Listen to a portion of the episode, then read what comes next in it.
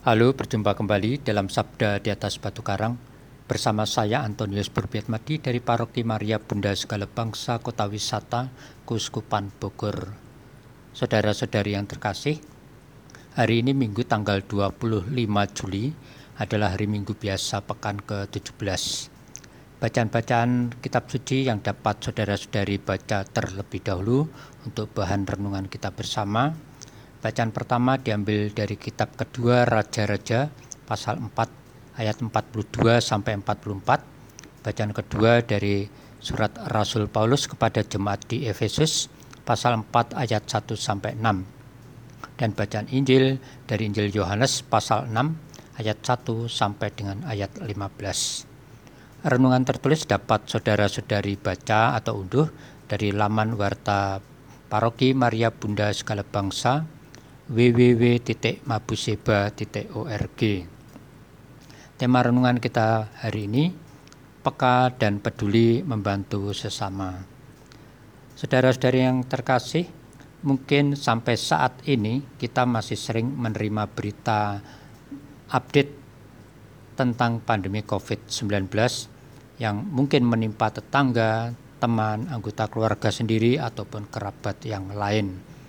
Semua berita atau informasi tentang pandemi ini tentu membuat pikiran dan hati kita lelah dan semakin bertambah cemas.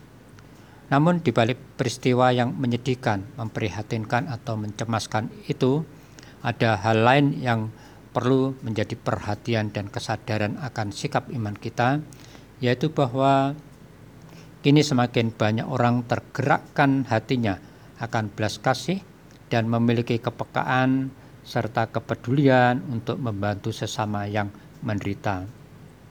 Perbuatan baik itu selaras dengan ajakan Rasul Paulus sebagaimana kita dengarkan dalam bacaan kedua bahwa sebagai pengikut Kristus hendaknya kita juga mau menunjukkan kasih kita dalam hal saling membantu.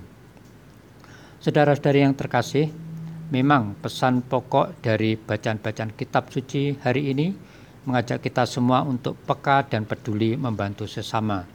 Seperti dalam bacaan pertama dikisahkan Nabi Elisa yang menyuruh abdinya untuk menyediakan makanan bagi seratus tamunya.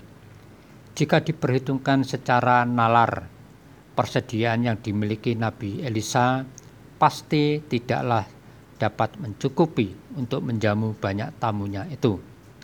Namun Nabi Elisa minta kepada abdinya untuk percaya akan kuasa Allah.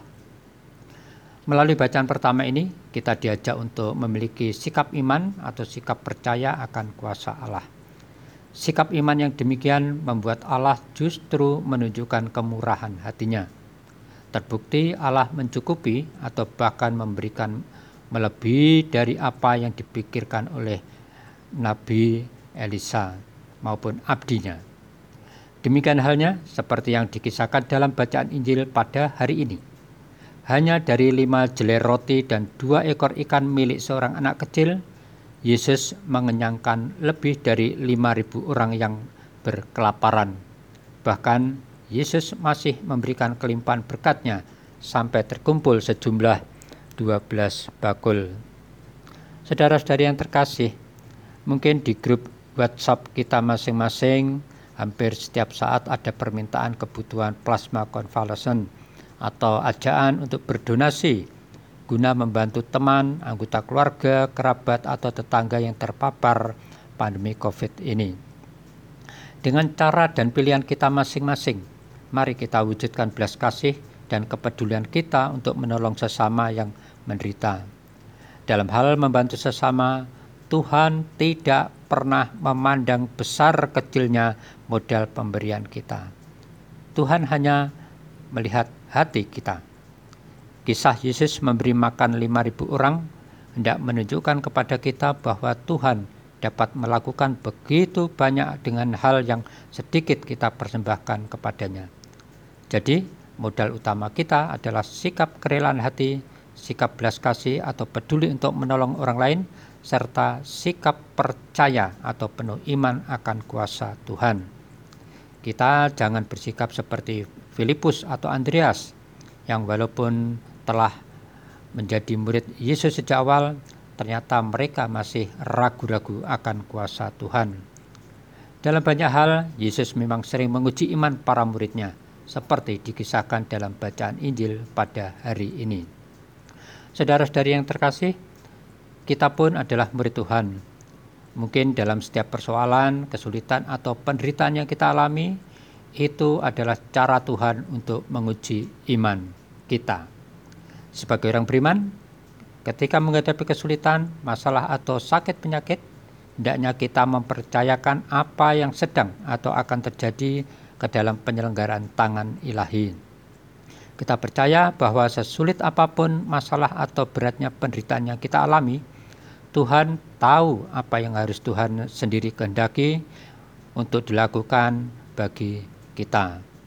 Saudara-saudari yang terkasih, jika Yesus saja memiliki sikap peduli, belas kasih terhadap para pengikutnya, tentu kita yang sudah merasakan atau menikmati berkat anugerah Tuhan, seperti yang kita miliki saat ini, maka kita pun dipanggil untuk membagikan belas kasih dan kepedulian kita itu kepada sesama yang menderita. Semoga dengan memberi dari kekurangan kita, Tuhan akan melimpahkan berkatnya melebihi dari yang kita berikan. Amin.